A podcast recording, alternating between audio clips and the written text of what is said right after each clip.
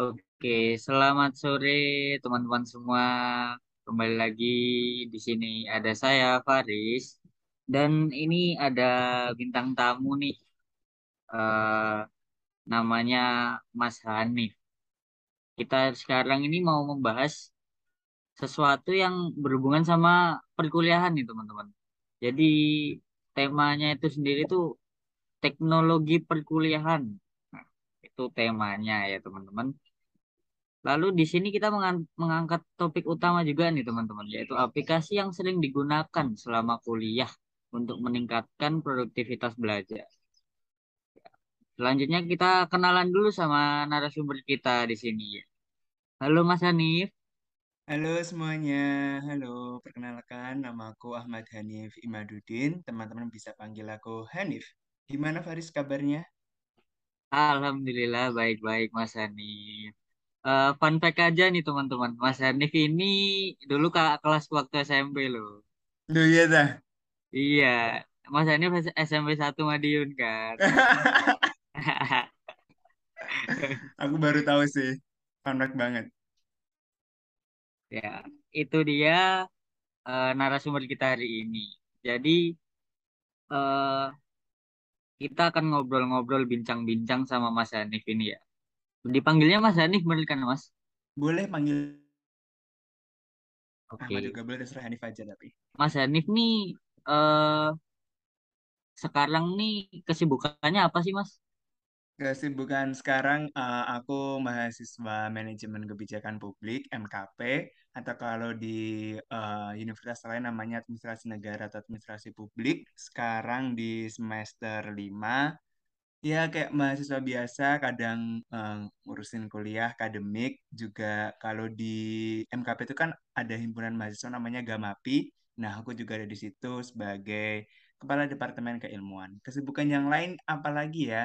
Oh iya, sekarang lagi sibuk jadi reporter intern di Tempo, yang tempo.co itu kalau teman-teman tahu media nasional itu, aku jadi reporter di situ.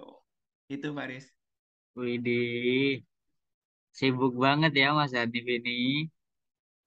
Standar lah. Eh, jadi aku mau tanya-tanya nih sama Mas Hanif. Eh, Mas Hanif tuh waktu kuliah sehari-hari tuh biasanya eh gimana ya? Kan kita kuliah offline dan online nih, Mas. Nah, Bener. sehari-hari itu selain aplikasi yang digunakan selain Zoom itu apa aja sih, Mas? Nah, fun fact juga nih, kalau tadi fun fact-nya ternyata Faris nih teman aku waktu di SMP, karena aku baru tahu. Fun fact-nya adalah aku tuh tim yang full online. Jadi, eh, menurut aku pribadi, aku lebih nyaman ketika pembelajaran online. Jadi, aku nggak ngambil satu matkul pun untuk di offline kan di perkuliahan. Jadi, ada enam matkul tuh semuanya aku ambil online. Eh, empat matkul itu berlangsung di UGM, dua matkul berlangsung di UI, karena aku juga lagi ikut eh, exchange ke UI, dan yang di UI itu juga online. Tapi sebenarnya baik di UI ataupun di UGM itu semuanya diperbolehkan mau bauran uh, ya samalah kayak di UGM sekarang ini bisa offline bisa pilih uh, online gitu. Tapi personally aku lebih nyaman online. Nah, kalau untuk um, aplikasinya, ya ini juga fun fact lagi. Kalau teman-teman uh, nonton di Instagram ataupun kayak di YouTube ada Studygram, terus ada kayak YouTube-YouTube yang edukasi dan lain sebagainya, itu kan pasti kayak uh, konten kreatornya kayak lekat banget sama estetika gitu, di mana mereka uh, merencanakan segala sesuatu yang mau dilakukan tuh sedetail dan seestetik mungkin. Nah, kebetulan aku nggak seperti itu aku nggak pakai kayak yang paling utama paling aku sering tahu tuh kalau teman-teman kayak gitu pakai Notion. Aku dulu udah pernah coba pakai Notion tapi itu nggak bekerja di aku, nggak bisa berjalan, jadi aku nggak pakai. So far, to be honest, aku nggak pakai uh, aplikasi aneh-aneh, cuman pakai aplikasi Google Docs doang kayaknya. Karena ya itu doang sih sama uh, uh, to-do list sama to-do list notes di HP biasa. Itu karena kayak ya buat uh, mempetakan mana data paling terdekat sama mana yang harus diselesaikan terdekat. Udah sih cuman itu doang notes sama Google Docs. Karena sebenarnya ada alasannya Faris, kenapa kok aku nggak pakai banyak-banyak tuh. Eh, aku pribadi menurutku adalah itu kan cuman eh, alat ya. Menurutku itu cuma alat, cuman sebuah aplikasi. Percuma aja kalau kita pakai alat-alat yang ibaratnya tech savvy banget eh, dan aesthetic savvy banget, tapi kalau kita nggak ada eh, ininya, nggak ada motivation di diri kita sendiri. Jadi kayak menurutku percuma aja mau pakai Notion, percuma aja mau pakai eh, alat eh, Pomodoro, Pomodoro, Pomodoro kayak fokus dan sebagainya. Tapi kalau dari kita sendiri tuh nggak ada kayak motivasinya. Jadi itulah kenapa menurutku eh, nggak perlu pakai alat-alat yang begitu savvy ataupun keren ataupun unik banget. As long as kita ada niatan dan motivasi, menurutku semua tugas dan semua kerjaan juga bakal kelar-kelar aja sih. Mungkin itu sih yang aku lakuin. Kalau kamu gimana, Faris? Kamu pakai apa by the way? Eh, aku setuju juga sih sama perkataannya Mas Hanif ini.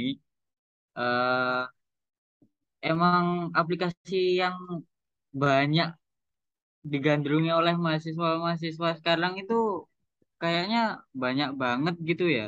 Jadi kayak harus apa ada Notion lah, inilah, itulah. Tapi emang yang paling paling banyak dipakai sih emang Google Docs ya. Jadi aku sendiri sih ya banyak sih teman-temanku yang pakai Notion itu. Cuman aku sendiri itu nggak nggak cocok gitu loh pakai Notion gitu, kayak nggak bisa gitu. Jadi ya aku ya sama sih kayak Mas Hanif. Paling kayak cuma Google Docs. Terus kalau misal online ya cuma Zoom sama to-do list itu sih. Ya, mantap, mantap. Terus eh setuju juga sih sama perkataannya Mas Hanif ini tentang eh, percuma kita pakai aplikasi yang bermacam-macam, cuman kalau kita nggak niat untuk melakukan apa kuliahnya itu ya percuma juga gitu ya Mas Hanif ya.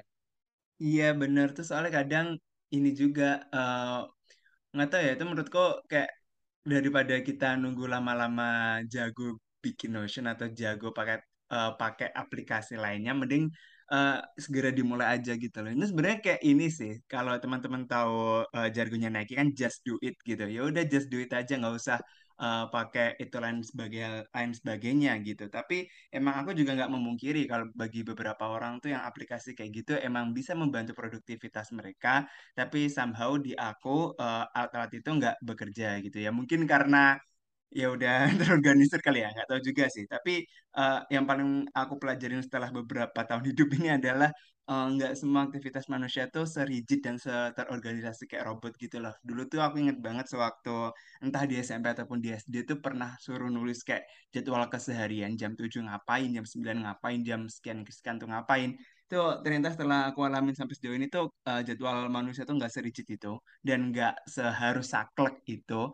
Karena menurutku yang jauh lebih penting adalah kayak hari ini eh, lo harus selesai apa gitu. Ya udah itu yang harus lo selesaiin entah kapan lo nyelesainnya jadi kayak menurutku eh, konsep kalau manusia itu stabil dan dinamis kehidupannya itu eh stabil dan konstan kehidupannya itu kayaknya eh, kurang eh, realistis sih jadi menurut aku kehidupan manusia dan mahasiswa itu emang dinamis itulah kenapa kayak menurutku mau pakai aplikasi apa pun as long as sudah punya motivasi dan tahu tujuannya mau ke mana ya pasti eh, bisa tersampaikan sih. Kayak gitu sih menurutku. Elaborasi lebih lanjutnya. Oke Mas Hanif. Eh, selanjutnya nih, Mas Hanif tadi kan pakainya Google Docs ya Mas ya. Mm-mm. Kenapa sih milihnya Google Docs? Kenapa nggak kan ada tuh Microsoft Word gitu? Kenapa harus Google Docs gitu Mas? Nah, aku pilih Google Docs itu kalau semisal tugasnya adalah tugas kelompok. Karena di Google Docs itu kan bisa dilihat tuh ada version historinya. Tapi sekarang kadang tuh nggak tahu kenapa ada juga yang Google Docs itu jadi anonymous user semuanya. Jadi kita nggak tahu.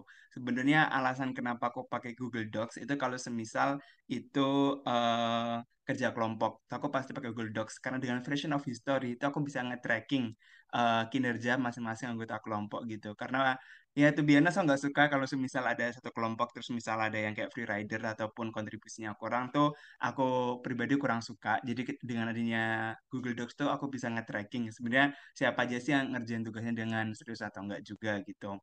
Dan aku sukanya dari Google Docs kan eh, data yang kita buat itu langsung otomatis auto save gitu ya. Jadi nggak perlu kita save kalau semisal eh, lap- kom- laptop mati tiba-tiba dia eh, mati dia langsung bisa nge-save sendiri. Beda kalau dulu banget, aku ingat dulu pas waktu di SMA masih pakai Word itu kalau semisal mati kadang nggak bisa di backup. Ya kadang bisa, kadang nggak juga sih. Itu kalau semisal kerja kelompok. Kalau individu aku personally masih suka pakai Word, kecuali kalau semisal aku tahu dalam beberapa hari ke depan aku bakal eh, jalan-jalan, itu mesti aku unggah dulu ke Google Docs karena kadang aku ngerjain juga pakai lewat HP gitu. Jadi walaupun pakai laptop, tapi apa yang aku kerjakan tuh bisa aku backup lewat HP. Kan Google Docs tuh bisa juga di HP kan. Jadi kayak langsung uh, terintegrate yaitu ada integrasi dari satu uh, alat ke alat lainnya. Itulah kenapa yang pilih aku Google Docs.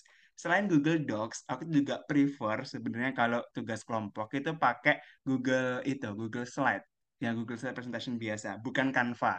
Nah, kan karena akhir-akhir itu banyak banget kan teman aku yang biasanya pakai Canva, tapi aku pribadi nggak cocok untuk pakai Canva karena ya mungkin ada beberapa teman-teman yang lebih enjoy pakai Canva, tapi eh, ada satu dua tiga hal yang ada di Google Slides, tapi itu nggak ada di Canva.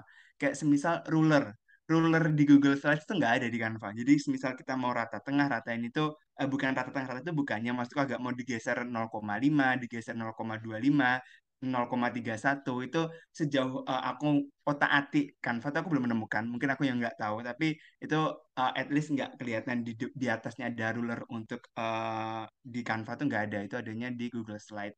Terus kayak semisal kadang mau ngasih ini kadang ngasih apa tuh animation di masing-masing ininya di masing-masing ornamen. Semisal kayak ada uh, kotak mau dikasih animasi mau gerak gini gini pokok animasi masih bebas gitu, itu menurutku agak susah ke kontrolnya di Canva. Tapi kalau di Google Slide, at least itu bisa lebih mudah. Dan yang paling enak kalau bikin presentasi menurutku sebenarnya itu lewat PowerPoint.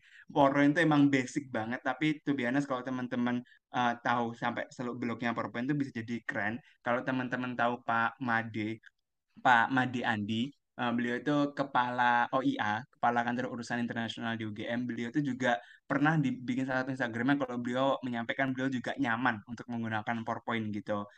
Uh, sebenarnya PowerPoint itu emang asik sih selama kita tahu ya cara mengestetikannya gitu. Dan ya itu sih mungkin Faris. Ada dua tadi ya, Google Docs sama Google Slides jadinya ya itu tadi. Mas nih orangnya beda banget ya. Yang yang lain pada pakai Canva, Mas Hanif pakainya Google Slide. Keren banget ya. Ya, ini antara antara beda dengan agak kudet ya, tapi nggak tahu ya. Tapi emang eh, masing-masing aplikasi kan memiliki kekurangan dan kelebihan masing-masing ya. Hmm, betul Jadi betul. eh, sesuai preferensi kita masing-masing juga. Untuk teman-teman ini ya bebas sih mau mengikuti saran dari Mas Hanif atau emang ingin ke Canva atau bagaimana. Itu kan preferensi masing-masing juga. Ya betul. Terus eh, manfaat yang dirasain sama Mas Hanif selama menggunakan aplikasi-aplikasi kayak Google Doc dan Google Slide itu apa sih Mas? Yang paling kerasa banget gitu dalam menjalankan perkuliahan gitu Mas? Yang paling kerasa banget adalah aku jadi orang yang esensialis Eh, dalam artian aku nggak terlalu memikirkan kayak eh, arsitektur atau ornamen dalam presentasi ataupun Google Docs itu, tapi aku lebih ngeliat ke substansinya. Jadi ah, itu yang eh, kena banget di aku karena kayak aku kalau teman-teman tak ini sebenarnya analoginya sama kayak sewaktu teman-teman bikin CV. CV itu kan ada dua, yang kayak CV eh, profesional sama CV kreatif. Eh, tapi beberapa big company itu mereka lebih eh, tertarik dengan CV yang profesional yang yang tidak terlalu banyak ornamen atau hiasannya. Itu sama kayak gitu sih. Dalam artian, oh nggak terlalu melihatkan kayak dari luarnya seperti apa, selama yang di dalam itu beneran eh, oke dan menarik, itu nggak masalah sih. Jadi kan kenapa aku bilang begitu karena sebenarnya Google Slide dan Google Docs itu kan basic banget. Banyak aplikasi yang jauh lebih advance dari itu tadi yang seperti Canva atau kalau mau effort banget pakai Powtoon, ada yang bisa pakai Figma juga dan lain sebagainya. Eh, tapi menurutku yang itu juga nggak masalah. Tadi apa yang sampaikan Faris juga benar, preferensinya tergantung preferensi masing-masing. Tapi bagi aku ketika aku menggunakan itu yang paling kerasa adalah aku jadi orang yang kayak melihat permasalahan dari to the point-nya gitu loh. Jadi kayak sebenarnya apa sih yang mau kita sampaikan, substansinya apa. Nah, perkara di kanan kirinya atau kayak embel-embelnya itu nanti jadi urusan nomor sekian. Dengan metode itu pun akhirnya aku jadi orang yang lebih cepat untuk fokus dalam satu dua tiga hal gitu loh. Nggak nggak yang mudah terdistraksi karena kita terlalu fokus. Kayak semisal ini ntar kira-kira covernya gimana ya? gitu. Mikir cover aja jauh-jauh ke kafe bikin cover dua jam cuma jadi cover doang. Itu kan nggak efektif tuh ya jadi mending uh, mikirin aja kayak isinya gimana daripada habis waktu untuk mikir estetika covernya atau estetika pinggiran-pinggiran uh, desain di Google Docs-nya kayak gimana. Jadi mungkin yang aku paling kerasa itu sih. Jadi lebih orang yang substansial gitu